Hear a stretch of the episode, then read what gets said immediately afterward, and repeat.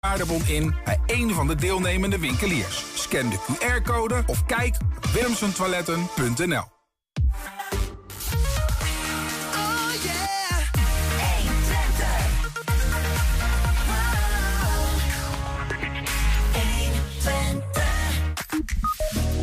En filosofie, dat klinkt als twee dingen die eh, niet per se veel met elkaar te maken hebben. Maar niks is minder waar. Hengelo en René ten Bos schreven zelfs een boek over. Ja, op het Wilmingplein staan terrasschermen met daarop gedichten van Enschedeze dichters. Ja, de gedichten worden aankomende zondag ververst. Het kabinet kreeg van de Nederlanders het laagste cijfer ooit, een 3,3. En daarom gingen wij de straat op met de stelling: Ik heb geen vertrouwen in het kabinet. Ja, we sluiten de week traditioneel af met de column van Bart Petersweem. Het is vrijdag 23 september en dit is 120 vandaag. 120. 120 vandaag. Zorggroep Manna en Memento Uitvaartzorg in Enschede hebben iets nieuws bedacht. De box vol liefde. Hij staat hiervoor voor cliënten die eh, in hun laatste levensfase zitten en voor hun naasten. De doos is gevuld met spullen die de zintuigen emotioneel prikkelen. Bij ons uh, Astrid Oldejans van Zorggroep Manna en ook uh, Nelleke Groening van Memento. Welkom beiden. Dankjewel. Dankjewel. Um, ik ben benieuwd wat er allemaal in zit. Um, maar misschien kunnen we eerst heel even het kader schetsen, uh, Astrid. Misschien als ik jou het woord mag geven. Wat gaan we zien en waarom deze doos? Nou, um, als bewoners van ons uh, in de laatste levensfase komen, um, willen we daarop inspelen op de wensen en behoeften die zij hebben elke cliënt is voor ons belangrijk. Iedereen is waardevol en uniek. En ook in die laatste levensfase van bewoners willen we daarop uh, op inspelen. Mm -hmm. En um, we hadden al uh, een waakmand een uh, aantal jaren geleden samengesteld. Maar wij wilden dit graag meer professionaliseren. En dus zijn we de samenwerking met. Memento Uitvaartzorg aangegaan. Mm -hmm. En hebben we samen deze box vol liefde samengesteld. Ja, en ik, begrijp ik dan dat die box op het moment dat iemand... Uh, hè, bij jullie zitten ouderen en die komen op een gegeven moment in een terminale fase van hun leven. Ja, klopt. Um, dat je die aan hen geeft en dat ze daar. Wat, wat, wat, moet ik erbij voorstellen? Nou, we hebben een aantal boxen voor onze beide locaties samengesteld. Um, voor de Cypressenhof en de Wingert. Uh, dit zijn inderdaad twee locaties voor ouderen. Um, en uh, inderdaad, als zij in de laatste levensfase, de terminale fase komen, uh, merken we dat naast de basiszorg die wij leveren natuurlijk, willen we nog extra meer warmte en liefde aan hun geven. Mm -hmm. uh, door ook um, hierop in te spelen om de vijf zintuigen die altijd blijven, um, extra aandacht te geven. Ja, ja, want die, ook in die laatste levensfase ja. heb je die zintuigen. Ja. En uh, ja. om, om je toch nog een beetje levend te voelen uh, aan het einde van je leven? verbondenheid. Meer verbondenheid. Weet je, als um, familie of als uh, een bewoner gaat sterven en familie waakt, weten zij soms gewoon niet zo goed wat kunnen wij nog voor onze dierbaren betekenen in deze laatste fase van het leven. Mm -hmm. En dus geven wij door middel van deze box voor liefde. Um, handvaten om de zintuigen aan te spreken. Ja, dus het, het is echt een verbinding tussen uh, degene die uiteindelijk gaat sterven en, ja. en degene die achterblijven. Ja. Zo moet ja. ik het echt zien. Ja. ja, en we willen deze laatste momenten extra waarde geven. Ja. Dat ze ook met een warm gevoel en um, dankbaarheid terug kunnen kijken op deze fase van het afscheid nemen. Nelleke, uh, uh, um, uh, sorry, Astrid en, en Manna kwamen bij jullie. Want die, ja. hadden, die hadden een initiatief, hoe heette die ook weer? De Waak... Mand. De Waakmand. maar dat moest professionele. Met welke vraag kwamen ze bij jullie? nou, ze kwamen in eerste instantie van... ja, Nelleke, wij kennen jou vanuit het werkvak. Hè? Ik, uit het werk, ik kom regelmatig bij Manna. En... Um, ja, daarvan kenden we elkaar eigenlijk al goed. Daar was al een band. En wat we gewoon zien is uh, dat we dezelfde, uh, vanuit dezelfde visie en waardes werken. En dat is uh, Manna, die heeft bijvoorbeeld in hun logo uit liefde staan. En nou ja, hoe ik altijd zeg dat ik mijn werk doe is met liefde. Hè, dus daar komt die liefde alweer naar voren. Eh, en zo zijn we eigenlijk, eh, ja, hebben jullie ons benaderd omdat we diezelfde visie delen. Maar welk eh, stukje, wat, wat, welk stukje brengen jullie mee naar de tafel waardoor deze box vol liefde, die we straks misschien wel een klein beetje kunnen uitpakken, Ja. dat is toch wel, ben ik toch wel benieuwd wat erin zit, maar wa- waardoor deze box anders is dan de waakman bijvoorbeeld die er was. Nou, ik, ik weet zo niet wat er in die waakman zat. Maar wat, eh, ehm, ja, ehm, waar wij eigenlijk ehm, op aan zijn gehaakt, is dat het. eh, ehm, ja, wat, wat ik vaak zie aan het. ja, ik kom natuurlijk pas bij het, na het overlijden in beeld. En wat ik dan vaak hoor en zie, is dat eh, mensen met elkaar best wel een emotionele periode achter de rug hebben. Dat waken, dat is best wel ja, intensief voor mensen. De tijd staat eigenlijk een beetje stil. En ehm, mensen die hebben geen benul van wat er eh, ja, om hun heen is gebeurd, eh, zijn vaak vermoeid. En eh, nou, in die fase willen wij graag ehm, ja, wat mensen ook vaak zeggen, is dat het ook best wel een waardevolle ehm, tijd was. Dat je toch weer die verbinding met elkaar hebt kunnen vinden. Hè. Je moet zo zien, misschien zitten er wel weer twee broers aan zo'n bed... die elkaar heel lang niet hebben gesproken. En, ehm, nou, en die verbinding, die wilden wij ook weer met elkaar leggen. Dus ook een stukje meerwaarde daarin... dat het niet alleen de zorg gaat om een lichaam... of om een... ehm, ja, om, ja, om inderdaad dat lichamelijke, maar ook Ja. echt die verbinding geestelijk weer te kunnen maken. En, ehm, Maar, je zegt eigenlijk van normaal komen jullie inderdaad eh, pas in beeld op het moment dat iemand dan overleden Ja. is. En deze doos is eigenlijk voor de fase daarvoor. Ja. Dus eigenlijk voor jullie ook een soort van eh, shift van verandering. Of eh, van, van kijken op dingen, Ja. verandering. Nou, wat wij wel heel veel doen, en eh, daar eh, spelen wij ook altijd op in, dat wij van tevoren vaak bij, eh, al bij mensen thuiskomen die weten dat ze gaan sterven, of die nog niet weten dat ze gaan sterven, maar toch al die uitvaartwensen vast willen leggen. Daar komen wij, dat doen wij heel veel, eigenlijk wel wekelijks. En ehm, ja, wat wij daarin zien, dat als je wensen vastlegt hè, voor je uitvaart, eh, dat dat heel persoonlijk is. En dat je daarmee ook een uitvaart heel persoonlijk eh, neer kan zetten. Ik zeg altijd, zo'n voorgesprek, zo noemen we dat, dat is een eh, ja, geschenk voor je nabestaande. Want dan weet ja, je nabestaande wat je wil. En Ja. dan kun je ja, nog je, de laatste wensen in, in werking Ja. zetten. En welke plek kan, zo, kan deze box vol liefde daar, eh, daarin hebben? Nou, er zit bijvoorbeeld een boekje in. Die heb ik hier ook liggen. Die, is, We gaan hem al een beetje uitpakken. Ja. ja. die heeft hetzelfde vorm gegeven als, eh, als de box eh, zelf. Er staat hetzelfde plaatje op. Het is misschien ook wel even leuk om te vertellen wat er op de box staat. Hoe de box eruit ziet aan Mhm. Ja, zeker. We hebben volgens mij een foto van, eh, van de box. Ja, hier is die. Dan kunnen we dat ook zien. Maar vertel gerust, ja. Ja, nou, de box voor liefde, de naam staat er natuurlijk op. Daarbij zijn er twee handen die naar elkaar reiken. Nou, dat is een stukje verbinding, hè, wat we net al noemden. Sowieso is dat voor Manna heel belangrijk, voor Memento ook. Eh, Een stukje verbinding van Manna naar Memento, maar ook van de eh, mensen eh, onderling. En dat hart erachter, ja, dat spreekt natuurlijk voor zich. eh, hè, dat is die liefde die we steeds eh, eh, roepen. ja. Dus dat, eh, dat vinden wij heel belangrijk. Nou ja, dus. ehm, en om terug te komen op jouw vraag, hè, hoe, spe- hoe speel je daarop in, eh, op die eh, laatste wensen? Er zit een boekje in, daar wordt ook heel mooi uitgelegd eigenlijk wat eh, waken is. wat je, ja, welke verdieping je daarin aan kunt brengen. Ehm, maar daar staat ook een ehm, ja, ruimte in om je laatste wensen ook vast te leggen. Mhm. En dat staat op een, ja, op een hele eh, laagdrempelige, Ja. eh, respectvolle manier Ja. eh, worden daar al dat alweer gegeven. Is dat een, een middel die nou ja, de, de persoon die gaat overlijden kan, kan gebruiken samen met zijn naaste misschien om dat Ja. vorm te geven. Van hoe wil ik dat het einde eruit ziet. Astrid, ik hoor jou zeggen van ja, er zitten voor alle vijf zintuigen zitten de dingen in die doos. Nou, Ja, dit is klopt. best wel toch nog heel, ehm, ja, heel erg met je hoofd, denk ik. Over de, erover nadenken. Wat zitten er voor andere dingen? Ja, we kunnen, misschien kunnen we heel. Ja, ik weet niet, weet niet hoe, de, hoe vol die eigenlijk is. Maar wat dingen gewoon uitlichten die bijvoorbeeld voor het voelen zijn of voor het ruiken of voor. Nou, we hebben eh, bijvoorbeeld eh, ook aromazorg erin eh, gebundeld. Ehm, dat is zeg maar. ehm, ja, je speelt dan in op de geur, op het ruiken van mensen. Dat blijft echt heel lang bestaan.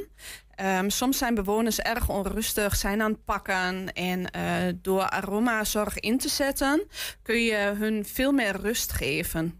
En eh, dat is natuurlijk voor iedereen prettig. Want het is helemaal niet fijn om een bewoner heel onrustig te hebben. Dat ze aan het pakken zijn met, met lakens of in hun bewegingen.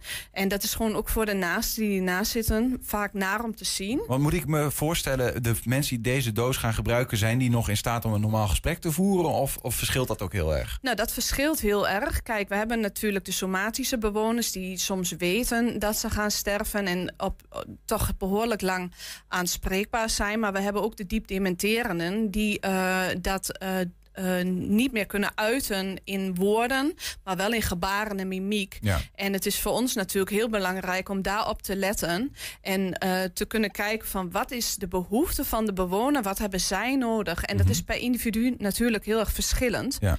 De ene merk je onrust en bij een ander, ehm, bij de een kun je dat ehm, tegengaan door aromazorg in te zetten. Maar bij een andere is het weer bijvoorbeeld heel erg het luisteren. Dat muziek gewoon heel rustgevend kan zijn voor die bewoner. Nou ja, er zit er gewoon een GPL-speaker of Ja. ik mag geen Nou ja, merken nee, noemen. Of een bozeachtig ding een, of eh, iets anders. We hebben er inderdaad een, eh, een, eh, een geluidsbox in gedaan. waardoor je met, door Bluetooth verbinding te maken eh, muziek kunt afspelen. We hebben ook een, eh, twee, playlist gemaakt, twee keer een playlist gemaakt. Ehm, zowel een, eentje een, een, een religieuze, religieuze playlist als een, een ja, niet-religieuze playlist. Die, we, die families eh, aan kunnen zetten. Mhm. Of de zorg kan natuurlijk ook dat aanzetten. Gewoon door hun eigen telefoon te verbinden met die box. En ehm, houdt bijvoorbeeld nou een bewoner van hele andere muziek die niet op zo'n playlist staat, dan kunnen ze ook hun eigen telefoon koppelen en muziek aanzetten. Ja. Nou, da- daar heb ik eh, het, het ruiken heb ik gehoord, hè, de aroma. Ik hoor het, eh, het horen Ja. zit erin. Ja. Eh, wat, wat hebben we nog meer voor de andere zintuigen? We hebben er nog wat over. Nou, we kunnen natuurlijk ook nog gewoon in gesprek gaan. Want, want je vroeg net al van ehm, tot hoe lang is een bewoner aanspreekbaar? Dat is natuurlijk verschillend. Ehm, we hebben ook een, een vragenbox gemaakt. eh, die heet Met aandacht in gesprek. En daar zitten allerlei kaartjes in. ehm, met eh, vragen eh, die je kunt stellen aan de bewoners. Zodat je samen nog een hele fijne gesprekken kunt hebben. Want Voorbeeld soms- noemen? ja, een voorbeeld die we kunnen noemen is: wat is uw kostbaarste bezit? Of ehm, wat is het belangrijkste dat u een ander mee wilt geven? Dat is ook wel mooi, denk ik. Hè? Tenminste, ik kan me zo voorstellen dat eh, in zo'n fase zou je natuurlijk de diepste dingen van je hart willen delen Ja. met elkaar. Maar dat zo'n kaartje soms de gelegenheid geeft om zo'n vraag te stellen. Omdat het anders soms best wel een hoge drempel kan zijn om iemand aan het einde van zijn leven nog zo'n soort vraag Ja. te stellen. Precies, en daarom hebben we ook deze vragenkaartjes eh, gemaakt en in een doosje gedaan en ook in de box gedaan. En eh, weet je, eh, soms is het ook natuurlijk dat er geen gesprek meer mogelijk is met een bewoner, maar dat je het wel als bijvoorbeeld broers en zussen bij het sterfbed van je ouders eh, eh, elkaar vragen kunt stellen en samen herinneringen op kunt halen. Zodat je meer een, eh, een waardevolle invulling aan die tijd van afscheid nemen kunt geven. Ja. Ja. Het, het voelen heb ik nog niet gezien. Zit die er ook nog in? Ja. Ik wil toch het hele palet zien. Wij hebben een, een handcrème ehm, in, eh, in de box gedaan, zodat je ook ehm, iemands handen bijvoorbeeld eh, vast kunt pakken. En dat je die met een crème in kunt smeren, zodat je ook weer verbinding kunt maken eh, samen. Ja, dan geef je door die warmte van massage ook weer verbinding met elkaar. Van, dan kun je laten zien van, hé, hey, kijk eens, ik ben er. Ja. Voel je dat ik er ben? Ja, dus dat hebben we op het zintuig voelen gedaan. Mooi. Ja.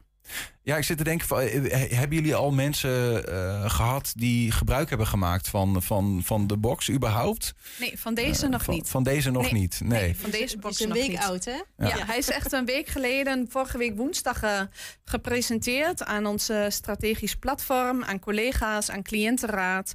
En eh, hij werd eh, heel enthousiast ontvangen, Ja. maar we hebben hem nog niet in hoeven te zetten. Want wat hoop je, Nelke, dat eh, de inzet van zo'n box aan het einde van de levensfase van iemand eh, doet eh, aan, aan jullie kant van het verhaal, waar je meer de naslepen hebt juist van zo'n eh, zo'n zo'n sterven. Ja, ik denk dat het toch heel belangrijk is dat op het moment dat je als uitvaartbegeleider binnenkomt, hè, je voelt direct een sfeer. Je proeft dat en je wilt daar toch, als, als die sfeer heel goed is, kun je daar gewoon op voortborduren voor het vormgeven van een uitvaart. Harmonie, um, ja, warmte en die liefde, de, ja, daar, daar kun je echt merken het moment dat dat uh, gunstig is, zeg maar. Ja. ja. dat je daarop voort kunt beduren voor een, uh, ja, voor een waardig afscheid. Absoluut, ja. We hebben nog, uh, nog één zintuig volgens mij niet gehad. Dat is voelen. Nee, sorry, dat is het, proeven. het proeven. Die, heb ik, die, die zocht ik. We hebben eigenlijk twee dingen voor. Hebben een stukje mondzorg naar, de, um, naar degene die sterft, zeg maar, de stervende. We een stukje mondzorg uh, voor. Uh, dat is niet die. Dat is natuurlijk de. Kan jij als zorg beter vertellen? Ja, dan hebben we een, een, een mondzorggel. soms, weet je, een bewoner heeft zijn mond open, ademt vaak door de mond heen. het wordt droog en dat is natuurlijk niet prettig. Dus we hebben daar een, een, een mondzorggel voor, zodat we dat aan kunnen brengen. Om dat ja, droog gevoel in de mond tegen te gaan.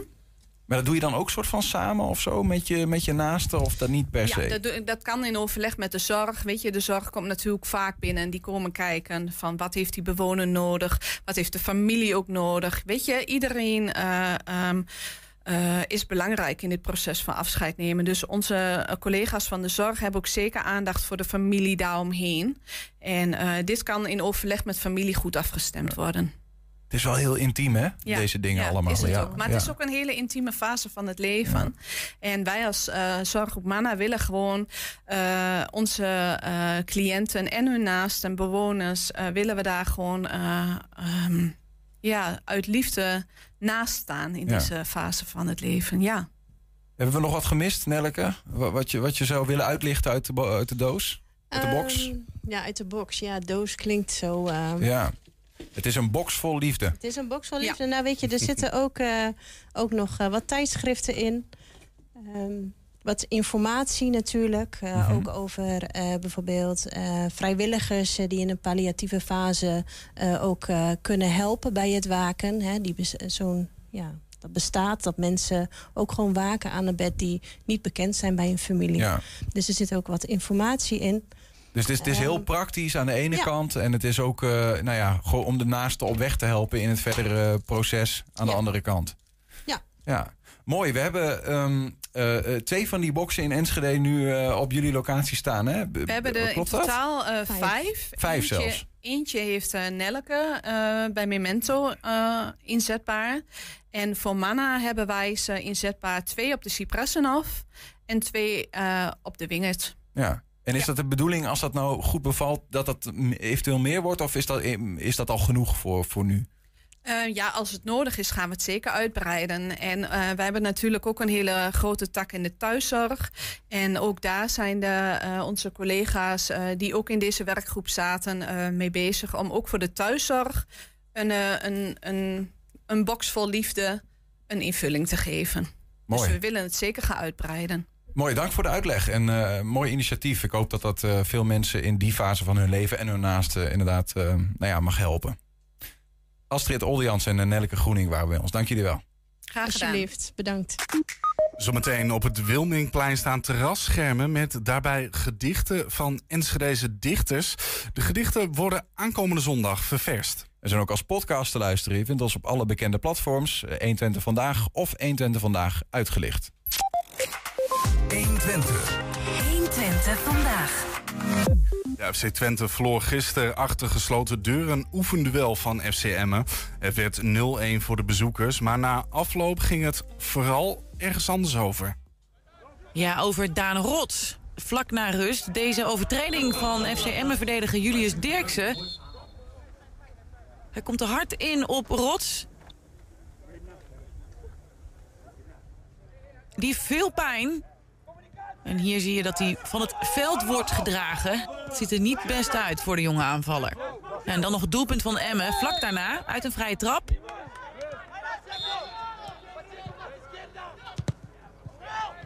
En dat is Dirkse, de man van de overtreding... die hier doelman Sam Karsies verschalkt. Het is 0-1 voor Emmen geworden. Uh, ik denk dat een uh, gelijkspelletje 0-0 of 1-1 uh, beter had gepast. Dus uh, maar ja, het, gaat, het resultaat winnen is nooit leuk, maar is niet het belangrijkste. Dus we hebben weer een nuttige oefenwedstrijd gehad. Ja, je zegt al dat is niet het belangrijkste. Wat is wel het belangrijkste?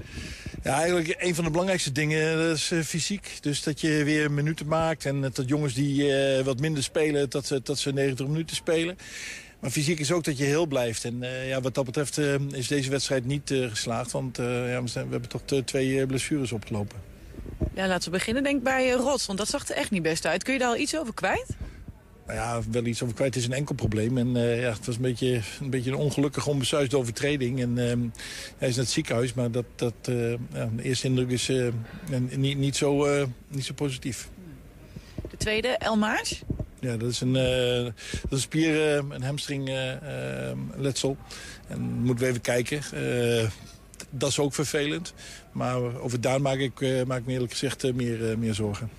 Hij is dus nu in het ziekenhuis, dus ja, het is even afwachten wat de conclusie gaat zijn. Ja, ja maar ik weet, ik weet, ook wel hoe het is met dat soort dingen. Meestal is de beste diagnose pas een dag of twee dagen later.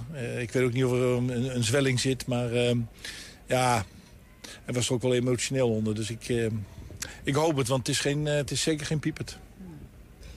Ja, als je ook naar het wedstrijdformulier kijkt... kan je ook wel zien bij jullie heel bewust de keuze gemaakt... om vooral de, de ja, nou, wisselspelers en de academiejongens uh, aan het werk te laten. Bij Emmen lag dat iets anders. Zegt dat iets over dat jullie de wedstrijd ook anders ingingen?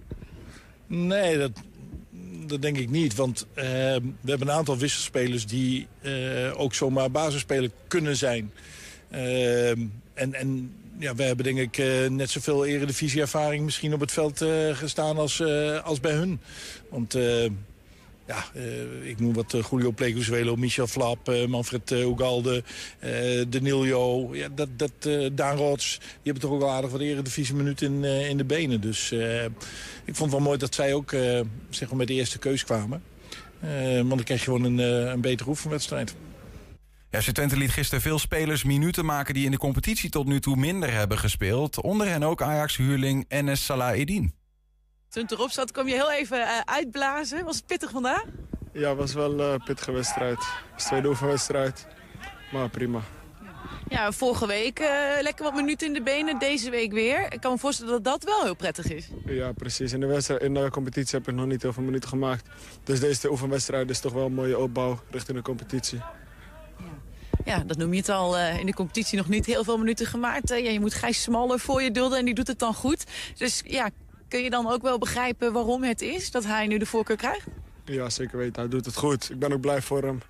Mooie concurrentiestrijd. Ik moet mezelf hier laten zien en ik vind dat ik dat heb gedaan. En uh, dan is het eigenlijk trainerskeuze wie die opstelt. Het is natuurlijk wel vaak zo, als je je laat verhuren... dan doe je dat vaak omdat je hoopt lekker veel uh, minuten te maken. Ja, dus hoe past dat dan in dat plaatje? Nou, ik had, al, ik had niet verwacht dat als ik hier kwam dat ik direct alles zou spelen. Het was gewoon, ik moet mezelf laten zien en mezelf bewijzen. En ik vind het juist mooi dat ik een geduchte concurrent heb. Want anders, ja, voetbal, voetbal gaat om concurrentie en jezelf beter maken. Hierdoor word ik ook beter en uh, ik, ik, dit seizoen komen mijn minuten wel er. Heb je dan iets in je hoofd, een soort van, uh, nou, grens waar je aan denkt? Van zoveel moet toch weer worden of zoveel wedstrijden wil ik spelen, minuten wil ik maken? Uh, ja, natuurlijk heb je dat wel, maar dat is, dat is niet aan jezelf. Je hebt iets wat je voor ogen hebt. Het enige wat, je, wat ik nu zelf kan doen is hard werken op de training en ook in oefenwedstrijden. En het is aan de trainer wie die, wie die opstelt. Maar voor mij inderdaad is het wel van... Ik heb wel doelen gesteld natuurlijk. Ja, neem ons daar eens in mee. Nou, wat je net zei, als je wordt verhuurd, dan wil je spelen. Dan wil je jezelf laten zien. Ook bij je oude club, ook bij andere clubs. Ook Hero. En als ik het nu in de competitie kan doen, doe ik het nu Hero. En dan moet ik eigenlijk gewoon geduldig wachten op mijn kans. En als die komt, dan moet ik hem met twee handen pakken en mezelf laten zien. Nu schijnt het dat uh, Twente in de huurovereenkomst het liefst ook een uh, optie tot koop wilde opnemen. Klopt dat? Ja, dat klopt. Ik, ja, dat is wat Twente wilde, alleen Ajax ging daar niet mee akkoord. Sterker nog, voordat je uh, die huurovereenkomst ondertekende... heb je nog even je handtekening in Amsterdam gezet onder een contract tot 2025, geloof ik. Dat zegt wel iets over de plannen die zij met jou hebben. Wat zijn die plannen? Ja, dat is natuurlijk iets tussen mij en de club. Het zijn wel eh, duidelijke plannen. Ik weet wat ze voor ogen hebben met mij. Zij weten wat ze aan mij hebben. En eh, het was hier een jaartje vlammen, mijn best doen. En dan eh, kijken wat de toekomst brengt. Ja, goed, ik snap dat je niet eh, allerlei eh, details eh, wilt delen. Maar misschien wel een beetje globaal. Van, ja, bijvoorbeeld, in als ze je laten tekenen voor een aantal jaar... Wat ik al zei, dat spreekt eigenlijk al vertrouwen toch uit? Klopt.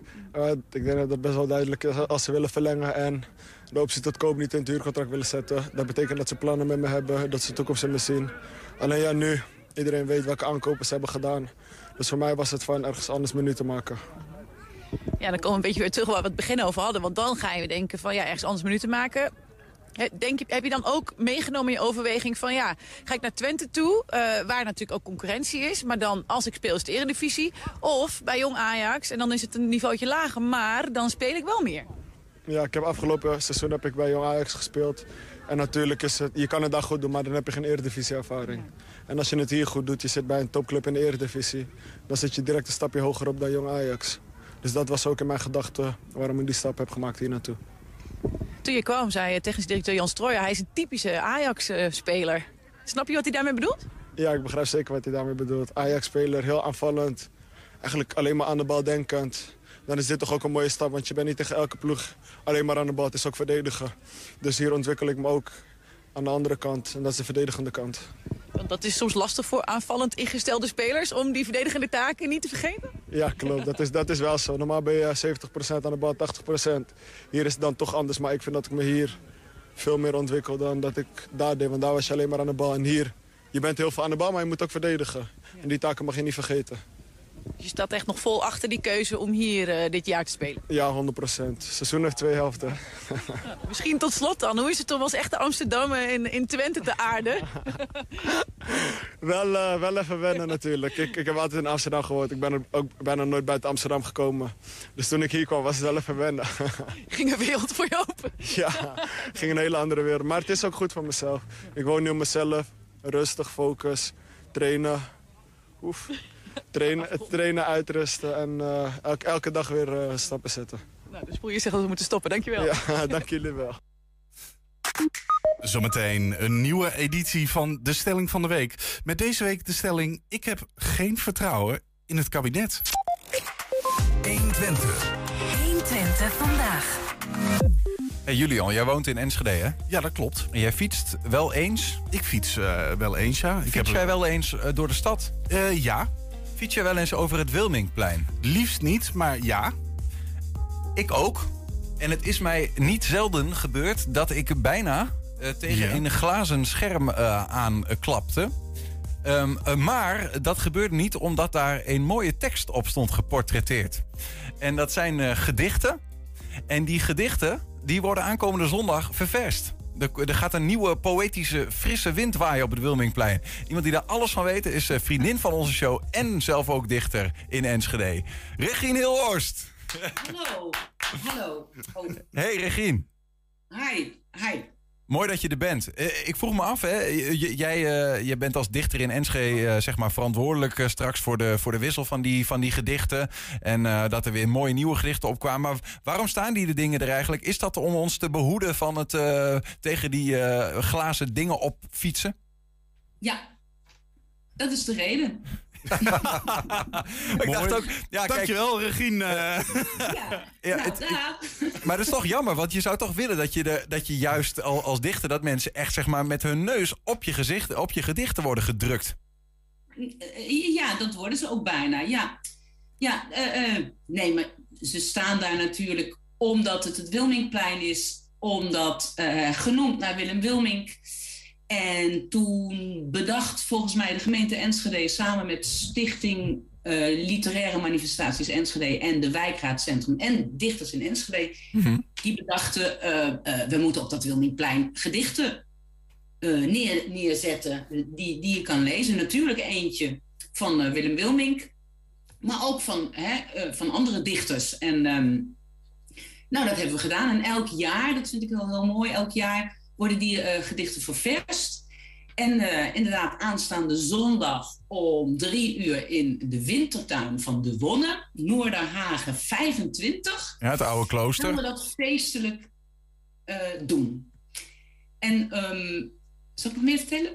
Ja, nee, ja, zeker. Ik, ben, ik, ben, ik hang aan je lippen. Ja, dat, dat, dat weet ik, ja. Um, uh, er hangt dus altijd een gedicht van Willem Wilmink. Tegenwoordig ook eentje van Harry Banning, hè, die heel veel liedjes van Willem Wilmink uh, op muziek heeft gezet. Ja. Uh, die, die hangen Willem, van Willem Wilmink is een nieuw gedicht. Het hangt er al, hè, van de week ben ik al langs gereden, was het al herplakt. Stiekem, stiekem. Ehm, dit jaar hangt er ook, of elk jaar hangt er iets van de stadsdichter van Enschede. Dat is dit jaar Dick Sluter, van de junior stadsdichter.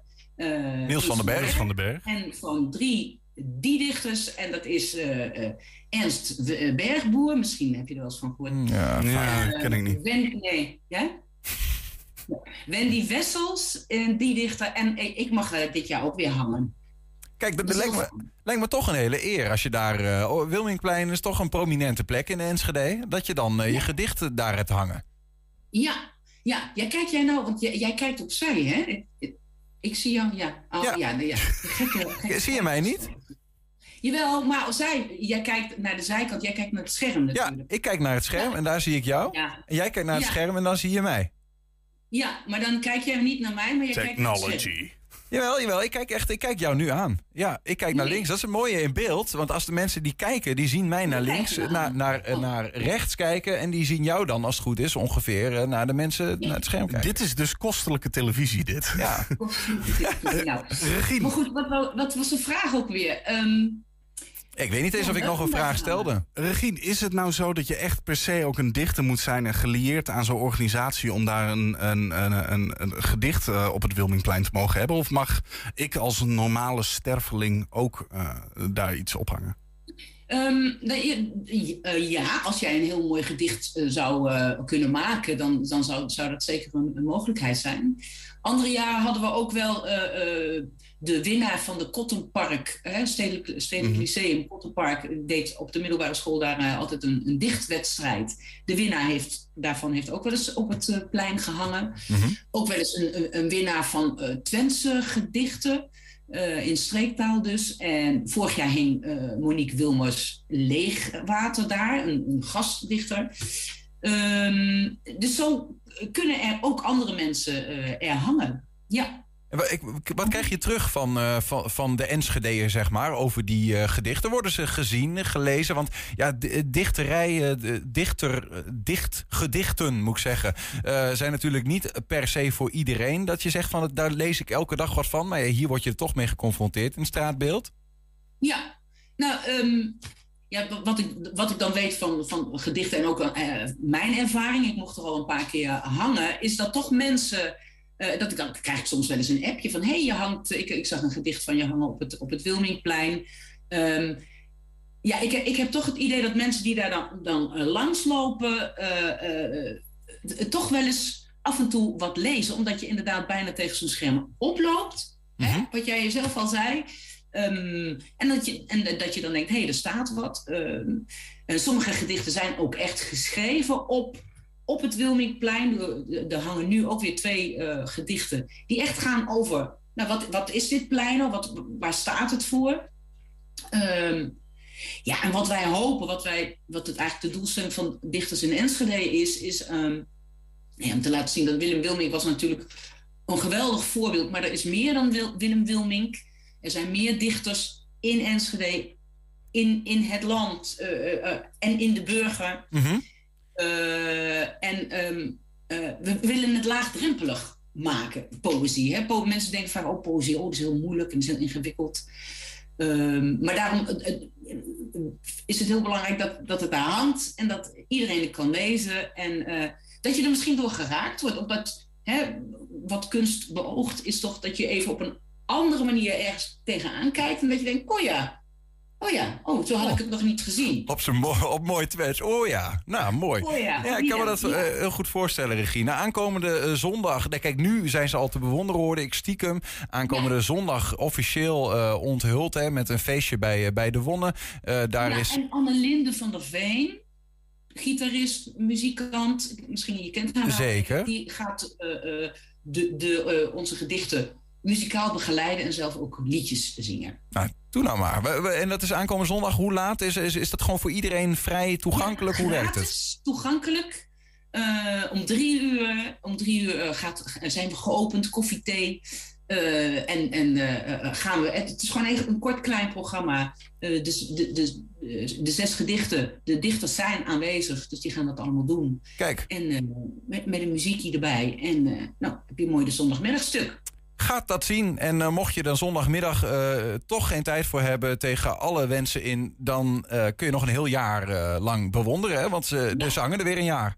En, en mag ik nog één ding Ja, zeggen? Omdat, omdat nou donderdagmiddag, hè, voor mensen die zondag misschien niet kunnen, donderdagmiddag in de Arkenzaal van het muziekcentrum van half één tot half twee is ook gratis muziek- en poëzie lunchconcert. Dus dan kun je een uur lang, je kunt eerst een broodje eten en dan kun je een uur lang luisteren naar, dan mag ik ook eh, optreden, gedichten van Jos, Jos Eertink, oud-stadsdichter, Monique Wilmers, Le- eh, Leegwater, mij en Uli Wenslav Eggebert gaat op de contrabas. Nou, doe maar. Dat pak je ook nog even mee, deze tip van de dag. Regine Hilhorst, dankjewel. Heel veel plezier eh, aankomende dagen met Ja, alle ik- poëtische ik, mis activiteiten. jullie jongens. Dag. We missen jou ook. Doei doei. En Mariska ook trouwens.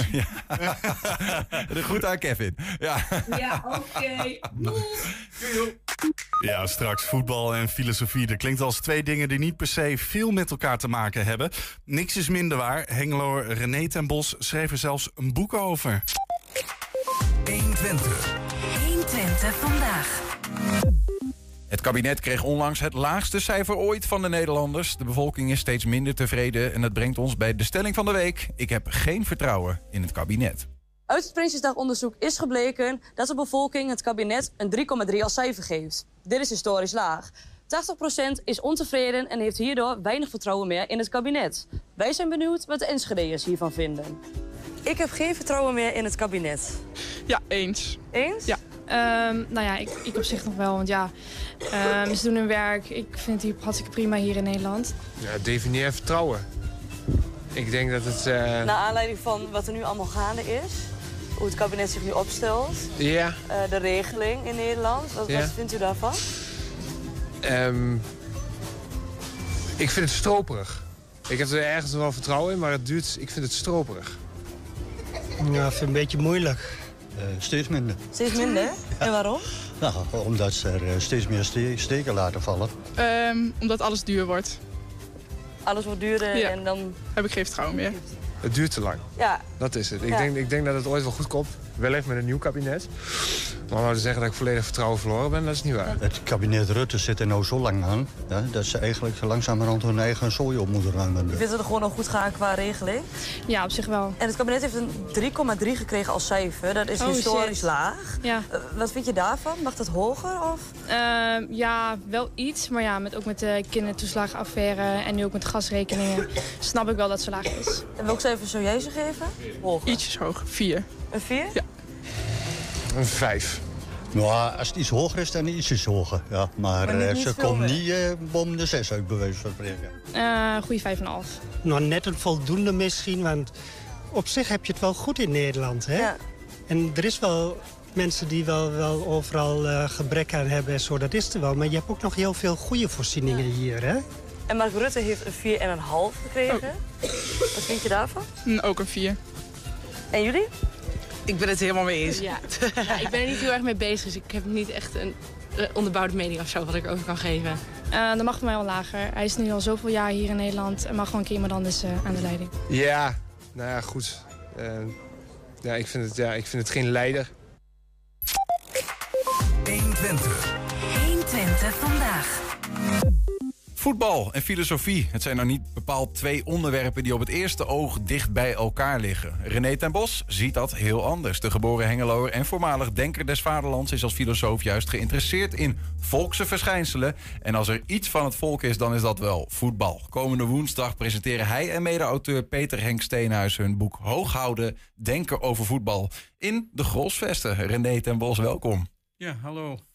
Ja, terug op oorlog grond, hè? Je woont nu in Utrecht, maar Ja. ik begreep, eh, ehm, eh, moeder was een Enschedeze, vader, eh, textiel. Ja, die werkte voor de KNKS en langs Landsenkweg in Hengelo. In Hengelo? Dus wel de textielarbeider. Eh 63 jaar geleden zelf geboren in Hengelo. Ja. Dus die kent de streek goed. Ja, inmiddels wel, ja. Dus, nou ja, ik, ik, ik ben hier gewoon geboren en getogen. Ja, ja. Maar ik ben al ja, sinds mijn twintigste weg. Dus maar ik, ik kom altijd terug. Bijvoorbeeld naar die voetbalclub. Ja, dat, dat begreep ik, ja. Elke twee weken voor de thuiswedstrijd? Ja, als ik kan. Ik kan niet altijd. Dus als ze bijvoorbeeld vrijdagavond moeten spelen... dan haal ik het vaak niet acht Oké, uur. ja. Dus, eh, maar als ik kan, dan eh, lukt het wel. Dus dan, dan, dan kom ik. Ja, Is dat liefde ja. voor de streek of voor het spelletje? Ja, de club, traditie. het bindt ook wel, die streek. Mhm. Textielarbeid. Ja, het betekent gewoon heel veel dingen. Het, heeft, het is ook, was, dat is ook wel belangrijk. Ik heb ook een zoon. En die groeide op in Nijmegen. Ik moest natuurlijk wel verhinderen dat hij voor NEC. Dus, ja, je nek zit hier en Twente is je hart, hè? ja, ja, Zoiets. ja, zoiets, ja. Ja. Maar, maar dat, dat zeggen ze altijd van NEC en, eh, en NAC. Ja. Hè, maar maar dat, dat nek mag je niet zeggen in Nijmegen. Maar ik heb, ik heb, eh, ik heb er wel voor gezorgd dat hij eh, FC Twente... Ja, dat is gelukt? Dus Dat is Nou, gelukt. Ik ga- mission accomplished. Ik ga meestal eh, met hem. Ja, nou, dan is dat in ieder geval eh, een van de Ja. live goals die ik het afstrepen. Mooi. Ja, hij, Ja, komt, hij komt nou uit Nijmegen en ik kom altijd uit, eh, ja, uit Utrecht. Maar ik heb heel lang in Nijmegen gewoond. Maar zelfs, eh, eh, begreep ik, in de eh, fase waar we niet gra- graag aan terugdrinken... maar toen Twente in de Jupiler League speelde... ging je zelfs ook naar de uitwedstrijden. Ja, dan- omdat je dan- dichtbij was vaak. Ja, dan, in, dan, dan intensiveert de belangstelling. Daar schrijf ik ook over in het boek. Hè. Er is een verschil tussen supporters en fans. En ik denk dat Twente zo leuk is omdat het echt, eh, echt, echt eh, supporters heeft. Feyenoord heeft bijvoorbeeld ook supporters of NAC. Oké. En, en fans die blijven als succes uitblijft weg. Supporters die gaan juist naar het stadion als het slecht gaat. Ik ben een fan, denk ik. Ja, nou, ja, dat ja, is- ik, ben dat wel, ik durf dat ook wel te erkennen. Ik ben wel echt een glory hunter, zeg maar. Ik kijk Ja. alleen naar het Nederlands elftal als het WK is en Ja. als het goed gaat, zeg Ben je maar. een Ajaxiet? Nee. Nee, ook Nee, nee, ik ben, nee, nee, nee. Ja, nee, maar Het- die, die- die hebben ik- ook supporters. Ja, en Dat spreek ik voor mezelf. Het schijnt dat die geen, het schijnt dat die geen ziel hebben, hè? Dat, eh, Nou. Nou, dat, dat, dat gaat misschien iets te ver. Maar, maar Ajax is een typische club met veel fans. Ik wil niet zeggen dat er geen supporters zijn, maar dat zie je ook echt. Als de resultaten echt tegenvallen, blijven mensen weg. Het is, eh, dat, is, dat is heel bijzonder. De, een, van de klassieke voorbeelden is natuurlijk dat Feyenoord ooit eens verneukt werd door, eh, door PSV met 10-0. En dat eh, die wedstrijd erop was dat stadion meer dan uitverkocht. Dus dat, dat, dat, dat, is, dat is echt heel typerend. Dat is echt een groot verschil. Ja, ik herinner me dat ook wel toen ik als eh, klein jongetje voetbalde ik nog. Dat je eh, veel jongens had die ook eh, dan voor Ajax waren. Maar dat was volgens mij, het ging goed met Ajax, weet je Ja, wel. Ja. Ja.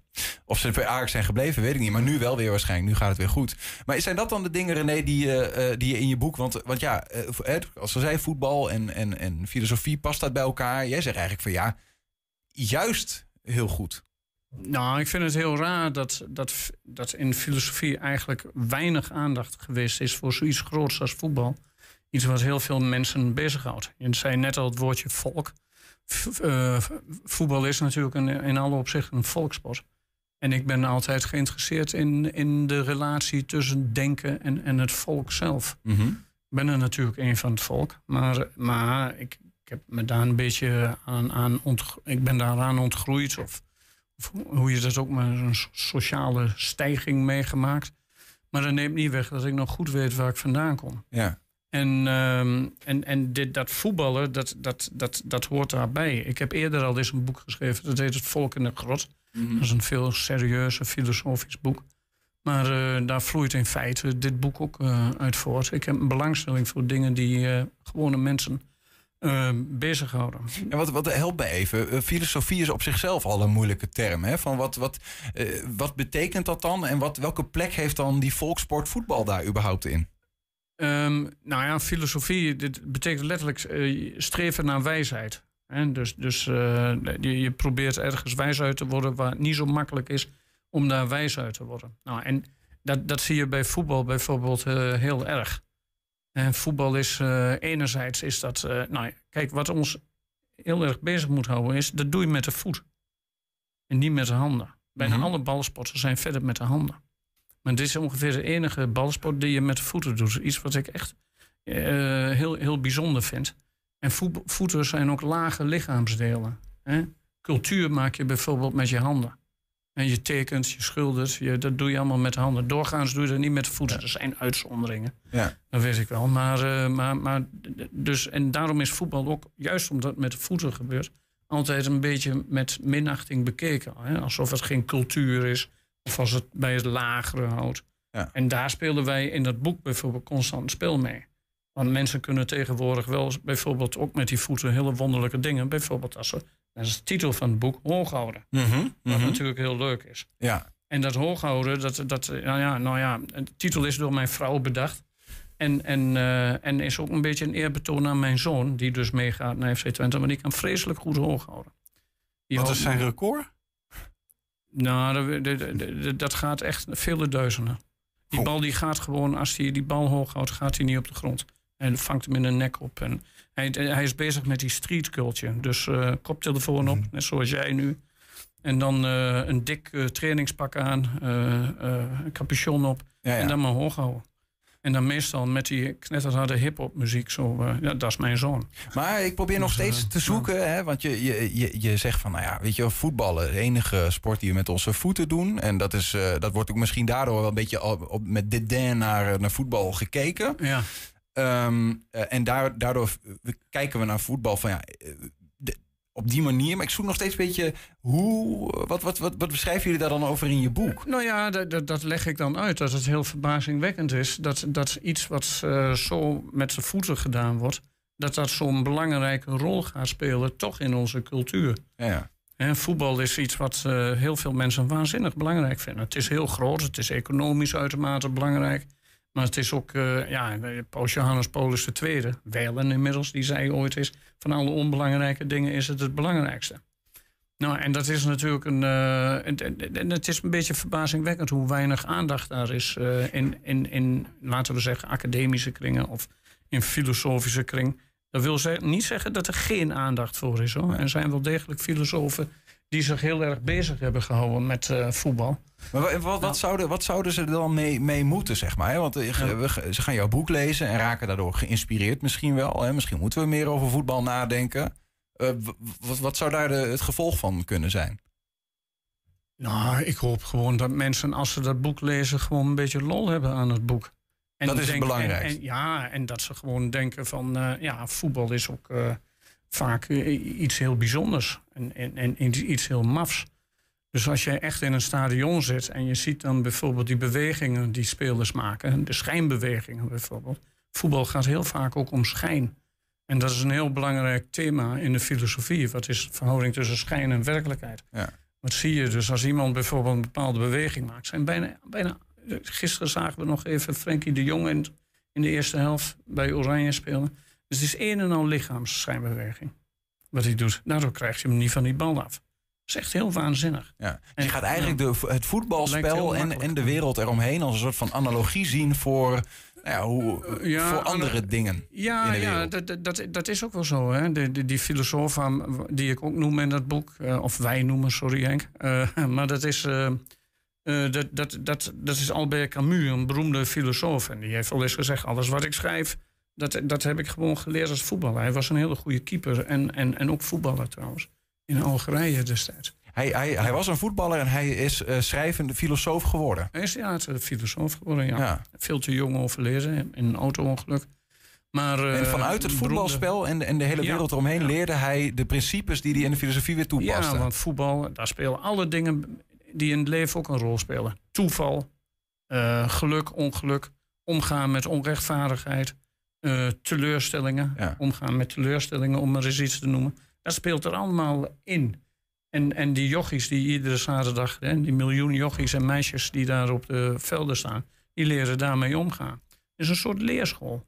Je noemde hem al even, eh, de mede-auteur Peter Henk Steenhuis. Ja. Ehm, hoe, hoe zit die samenwerking tussen jullie dan? Want ik kan, als ik dit zo hoor, is het niet per se het, ehm, nou ja, het VI vandaag-achtige geluid wat daar eh, in het boek te horen Eh, is. het is wel iets anders, ja. Dus ik, ik, nou, je zei net dat ik ooit Denker des Vaderlands was. Dat was in 2017. En toen hebben Henk en ik eh, een flink aantal columns gemaakt voor Dagblad Trouw. En die columns die zijn, eh, ja, die, die, die, die, ja, die kregen nogal wat aandacht. En die vond men bijzonder. En we hebben toen eens een keer afgesproken dat we dat in de toekomst eh, eigenlijk opnieuw zouden doen. En daarvan is dit boek, hoewel het geen columns meer zijn, het resultaat. Ja, ja. Dus Henk, eh, meer een wielrenner dan een voetballer, maar die, die, die belde mij en dan gingen we in gesprek. Eigenlijk een soort interview, dus het boek is ook een vraag- en antwoordspel. En dan eh, werkte hij dat interview steeds uit. Ja, ja. Dan stuurde die naar mij, en, naar mij en dan ging ik daar weer mee bezig. Ja. En dan heb je eh, in no time heb je wel een, een, laten we zeggen, een boek liggen. Is het toeval dat eh, die columns in Trouw eh, in 2017 eh, ongeveer een jaar kwamen voor een WK en dat het boek nu ook weer komt vlak voor een WK? Nou, ze waren ter gelegenheid van de WK in 2018. Ja, ja. En ik was toen Denker des Vaderlands. En, en 2018 eh, eh, zijn die columns verschenen. 2018, ja. Ja, ja. ja. Maar wel, wel, wel allebei, want ja, het helpt wel een beetje, denk ik, zo in aanloop naar een Ja. WK, toch? Ja, ja het is niet, natuurlijk niet helemaal toeval. Maar het, het boek gaat niet alleen maar over, de WK, over het WK. Nee. Dan neem die weg. Praat je over het WK, komt ook alle kritiek op voetbal helemaal los. Dus eh, het, boek eh, bevat ook wel wat kritiek op bepa- bepaalde praktijken in de voetbalsport. Ja, en dan, dan bedoel je ook bijvoorbeeld eh, de toestanden nu rondom, Rondom die- WK-toewijzing ja, ja, en zo. dat noemen wij wel, maar dan noemen we ook selectieprocedures van jonge spelers. Eh, maar ook het, eh, het, het krankzinnige kapitalisme dat, eh, dat rondom dat voetbal speelt. Maar het neemt niet weg dat, dat het boek wel vooral geschreven is vanuit liefde voor die sport. Hè? Ja. Dus dat, dat, dat is het ook. Kritiek is altijd een vorm van liefhebben. Dat is een filosofisch punt. Kritiek Dus- is een vorm van liefhebben. Ja, ja, ja. ja, ja, ja, Wat is de, de, de, de, de diepste wijsheid wat jou betreft die we uit voetbal of dat wat daaromheen allemaal gebeurt kunnen, kunnen halen? Dat door voetbal we allemaal gelovig worden. Ja, we geloven allemaal dat er een engeltje op de lat zit. En we hopen allemaal dat er een engeltje op de lat zit. Daar eindigen we het boek ook mee. Zo'n Puta, zo'n, zo'n eh, oh, Puto, sorry, zo'n, zo'n engeltje uit de afbeelding in de middeleeuwen. En iedere supporter herkent dat. De, de, de, de hoop dat het engeltje op de lat zit en dat je mazzel hebt. Ja, Het en, is, en eh, de- het stadion zit als, dat in het voetbal. Het stadion als, als kerk, dat zal ook niet de eerste vergelijking zijn. Nee, nee. Morgen staat het interview in trouwen. En dan hebben we het over de gang naar het grote stadion met GS. Alsof het inderdaad een soort kerk is. Ja. hey, René, wat ik me nog afvroeg. Jij, zoals gezegd, komt uit Hengelo, was de, eh, Denker des Vaderlands. Ja. Ehm, een van de andere Denker des Vaderlands, 2011, eh, Hans Achterhuis, eh, is ook een Hengeloer. En dat zijn een van de, of twee van de zes die Nederland überhaupt heeft gehad. Ja. Eh, wa- wat is dat met... eh Ja, dat zegt zit er in, het- in de beken in Hengelo? ja, dat zegt iets over die oergemeente. Hè? Dus eh hè, Twentse dan Twents kan het niet zijn. Hè? Dat weten sommige mensen. Ja. Er is nu al een hele discussie over die offerstenen die in het centrum van Hengelo liggen. Waar eh, de Enschedese historicus Willy Berend zo mee bezig is. Ja, dus ja. ja, ik- weet het niet. Nee. Maar de wijzen komen uit het oosten. Nee, maar is dat eh, zitten? Ja, ik weet niet. Misschien is het zoeken naar spijkers op laag water, dat weet ik veel. Al, maar is, is, is Twente naar iets wat, wat jou wel goed dunkt als het gaat om wijsheid? Ja, dit, eh, tuurlijk. Jullie hadden het eerder over Willem Wilmink. Dat is natuurlijk heel leuk. En we hebben nog zo'n andere Twentse dichter, eh, Harry de Balkt. Je hebt hier veel schrijvers gehad in Twente. Belcampo en weet ik veel wat. Dus qua cultuur heeft dit, eh, deze streek zo wel zijn eh, steentje bijgedragen. Ja. Kun je trots op zijn, als stukken. Als jij eh, de, de- dat boek, dat, dat, is, dat is af. Dat kunnen de Ja. mensen, eh, nou, ga je presenteren aankomende woensdag. Ehm, eh, als, je, als dat klaar is, wat, wat doe jij dan eigenlijk als filosoof verder in het leven? Moet ik ben nu al bezig met volgende projecten. Dat is ook, Dus ook ik- een boek. ik- ja, ik ben een boek aan het schrijven over, over gezondheid.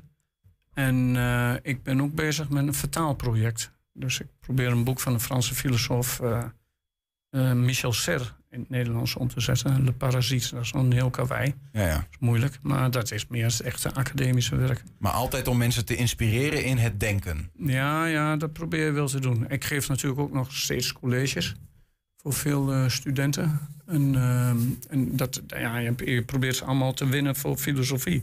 Dat is heel leuk. Gebruik je dan ook je voetbal? Analogieën? Ja, die gebruik ik wel. Soms ik vind het wel leuk om eh, af en toe een anekdote uit voetbal te vertellen. Ja, maar niet uitsluitend. Ik bedoel, die studenten komen niet om naar mijn voetbalpraatjes te luisteren. Nee. Dat snap ik ook wel. Aankomende woensdag de presentatie van je boek Hoog houden. Eh, per se in de Golsvesten, begreep ik. moest het zijn? Nou, het boek is ook leuk omdat doordat een van die twee auteurs uit deze streek komt en voor FC Twente is, wat ongebruikelijk veel aandacht voor FC Twente is. Uh, er is ook een wordcount gemaakt. En uh, de uitgever die uit Amsterdam komt, die constateerde toch nog met enig chauvinisme dat Ajax 61 keer genoemd wordt en Twente slechts 45 keer. Nee! Ja.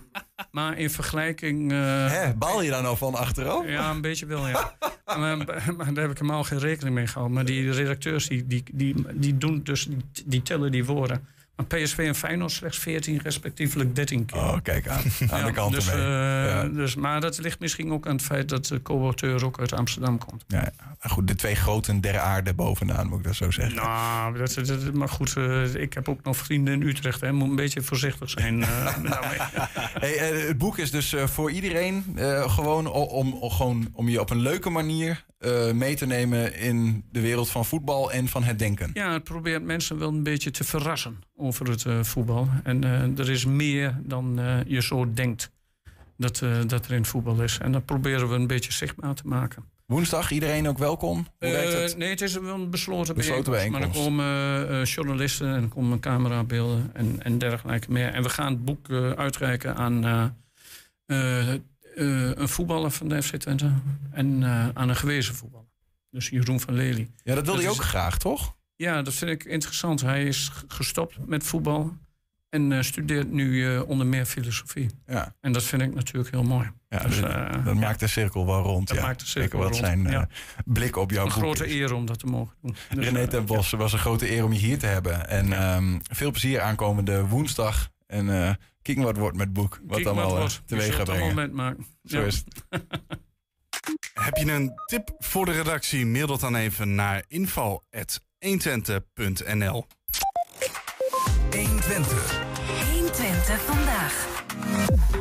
Ja, Niels, want het is inmiddels tijd, terwijl we afscheid nemen, om de laatste gast van deze week in ontvangst te nemen. We nemen afscheid van, eh, van een denker des vaderlands. Maar En, en dit is een vaderlands niet des winnen, denker? Wat, hoe, is- hoe werkt ja. het? Ja, zeggen jullie het maar. Ik, eh, ik zal mij geen denker des... Denken, een vaderlands, wat zullen we het... de- Ik denker van mijn eigen, mijn eigen huis. Daar ben ik wel misschien wel een beetje... De, van, van mijn eigen hok waar ik dan schrijf. Dan ik net de zeggen, denker. in je vorige column ging het nog over dat je eigenlijk dat denken in je eigen huis, dat dat ook eh, met veel troep Help werd me er niet aan herinneren. De denker Ja, des jij hebt geschreven. Ja, dat is ook waar. Dat is ook zo. Ja, ja dat klopt. Dat klopt. Nou, De denker des huizes. De denker van 120 is hier. Nou ja, denk, ja, nou, ja, columnisten zijn dus ook wel een beetje eh, denken. eh, filosofie. Denk je? Ja, denk ik, denk wel. het. Bart Peter Zweem. Beste luisteraar, ik heb mijn dag niet. Soms heb je dat, dan denk je, meh, eh, blog, en, ah, en ik ben ook een beetje prikkelbaar vandaag. Moet je me dat nu vragen? Echt, is dat belangrijk? Ja? Nou, oké, dan blus ik de vlammen uit het broodrooster wel. Beetje zoiets. Ik heb mijn dag niet. Ergens deze week heb ik volgens mij een emotionele spanning opgebouwd. Dat is één van mijn talenten, emotionele spanning opbouwen. En waarom ik die spanning heb opgebouwd, ik weet het niet. Waren het de voorspellingen van Prinsjesdag? Nou ja, ik denk het niet, want ik heb ze eigenlijk niet echt gezien. Ik was namelijk op dat moment in het ziekenhuis. Waren het dan misschien de nieuwsberichten over de mobilisatie in Rusland? Ja, dat zou kunnen, al was ik eigenlijk meer druk met het ziekenhuis. Nou, waren het dan misschien de nieuwsberichten over dat er nu overal personeelstekorten zijn? Nou, die weet ik niet zeker, maar het was me wel opgevallen dat ze ook in het ziekenhuis het erg druk hadden. Dus waar ik die emotionele spanning vandaan heb, ik heb geen idee. Ook al zijn mijn vrouw, ik en een zeker toekomstig familielid gezond, als er genoeg controles plaatsvinden, dan ga je daar vanzelf wel aan twijfelen. Weet ik wel zeker dat alles goed voelt? Ben ik eigenlijk wel gezond? En morgen word ik weer een jaartje ouder. Wat zegt dat eigenlijk over mijn fysieke gezondheid? Over mijn emotionele gesteldheid? Wordt dit een midlife crisis? Nou, daar ga ik over malen als ik dan mijn dag niet heb. Gelukkig zijn er nog kleine dingetjes in het leven die geluk kunnen brengen. Bijvoorbeeld dat ik vandaag bij de Albert Heijn geen muntstuk meer in het karretje hoefde te doen. Nou, is dan toch een lichtpuntje van de dag. Sinds kort zijn alle muntgleufjes versperd met een tire wrap. Ik zag zo'n andere man totaal verward naar de karretjes kijken met een muntstuk in zijn hand. Misschien had ik moeten helpen, heb ik niet gedaan. Daarvoor ben ik vandaag te prikkelbaar. Misschien ook omdat ik net was aangesproken door een man die mij herkende als iemand van een zekere groene en linkse partij. En mij daarna aansprak over dat ik met plastic tassen liep. Dat kan niet, hè? Al dus de man. Ik zeg ja, maar ik gebruik al heel lang dezelfde tassen. Het feit dat een van de Albert Heijn plastic tassen paars was met de tekst Fijne feestdagen zou wat dat betreft een hint geweest kunnen zijn. Voor mij is het sowieso al een overwinning dat ik die nog steeds gebruik. Ik ben namelijk zo iemand die als ik ga winkelen ook de tassen van die winkel mee wil hebben. Hè? Ik wil niet verschand lopen. In de Aldi staan met een Jumbo-tas. Dat wil toch niemand? Ik niet. Al had ik vandaag geen keus, want ik was bij de Appie geweest en daar was de boerenkool op. En moest ik daarna met reeds gevulde appitassen de Jumbo in... om daar dan het laatste zakje met boerenkool te scoren. Waarom is sowieso de boerenkool overal op? Ik denk een boerenkoolprotest. Maar nee, plastic tassen, dat kan niet, zegt die man. Ik zeg oké, ik zal de volgende keer wel een tas vlechten van riet. Sowieso, wat hebben mensen voor beeld van mij? Alsof ik een holistische vegan woke goeroe ben... die ook zo leeft in een holf, in een terp... op een dieet van alleen vrijwillig mijn kant op gerolde aardperen. Kon ik dat maar? Dat hou ik niet lang vol hoor, zeker als ik mijn dag niet heb. Misschien tijdens mijn midlife crisis. Maar tot die tijd hou ik mij vast aan de kleine dingen. Zoals een appie winkelwagentje waar geen 2 euro munt meer in hoeft. Al hou ik die munt wel bij me hoor. Die passen namelijk ook in een rolstoel. Is handig voor als ik weer naar het ziekenhuis moet. Bart Peter Zweem met de column van de dag brengt ons aan het einde van deze uitzending. 120 vandaag. Leuk dat je luisterde. Leuk dat je keek ook als je dat gedaan hebt. Vanavond om 8 en 10 uur zijn we nog een keer te zien. Mocht je het willen zien op televisie en zo. Zometeen hier geen Julian Vriend, maar DJ non-stop. Want wij gaan een feestje vieren. Jessie gaat weg. We missen je nu al, Jessie. Doei. 120. Weet wat er speelt in Twente. Met nu het nieuws van 5 uur. Goedemiddag, ik ben Elin Stil. Bij het Tweede Kamergebouw in Den Haag hebben zeker 100 mensen met vlaggen en spandoeken gedemonstreerd tegen het regime in Iran. De demonstranten zeggen dat ze er klaar mee zijn dat Iran vrouwen onderdrukt. Die mogen daar bijvoorbeeld niet fietsen. Vorige week overleed in Iran nog een jonge